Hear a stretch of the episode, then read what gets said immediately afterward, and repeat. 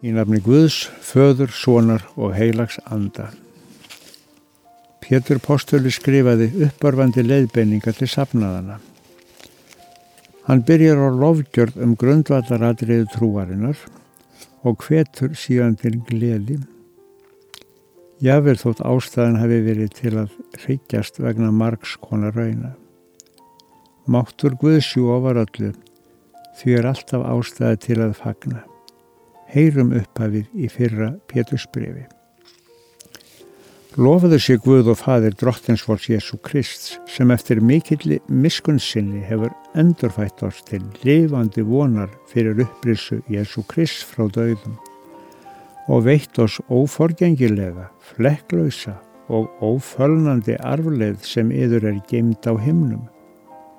Kraftur Guðs varðveitir yður sem trúið til þess að þér öðlist hjálpræðið sem albúið býður þess að opinberast á efsta degi.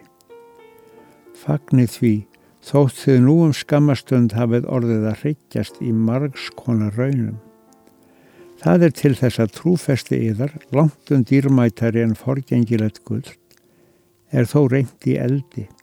Geti orðið ykkur til lofs og dýrðar og heiðus við opinberun Jésu Krist. Þið hafið ekki séð hann, en elskið hann þó. Þið hafið hann ekki nú fyrir augum ykkar, en trúið samt á hann. Og fagnið með óumræðilegur og dýrlegri gleði þegar þið eruð að ná takmarki trúar ykkar, frelsum sálna ykkar. Því skulum við byggja Jésu nafni og segja, miskunnsamingu við. Þú sem hefur með gjörðum þínum og hjálpaði gefið okkur tilefn til þess að eiga varanlega gleði. Gefð okkur þakklætið í huga, því þakklætinu fylgir alltaf gleði.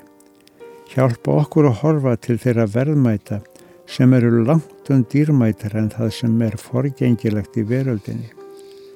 Þó þær stundir komi, þar sem við teljum okkur ekki sjá þig, leið okkur að finna það og sjá með innri augum trúarannar að þú yfirgefur okkur aldrei. Vitja okkar sérstaklega þegar við þurfum meira á því að halda en ella. Þegar lífsreynslan leggst yfir, þegar hilsan brestur, þegar sorgin vitjar hús eða allt það sem er vettur að nefna en herjar. Myndu okkur á að þú sem elskar okkur leiðir alltaf um farsara leiðir. Gefðu þannig fólkjunu og okkar styrk og leiðsögn. Við leggjum þau allir þínar hendur vitandi að þú munt alltaf vel fyrir sjá. Því byggjum við bænina sem þú sjálfur kendur og segjum, Fadir vor, þú sem ert á himnum, helgist þitt nafn, tilkomið þitt ríki, verði þinn vilji svo á jörðu sem á himni. Gef oss í dag vort daglegt brauð, fyrir gef oss vorar skuldir, svo sem við erum fyrirgefum vorum skuldunautum.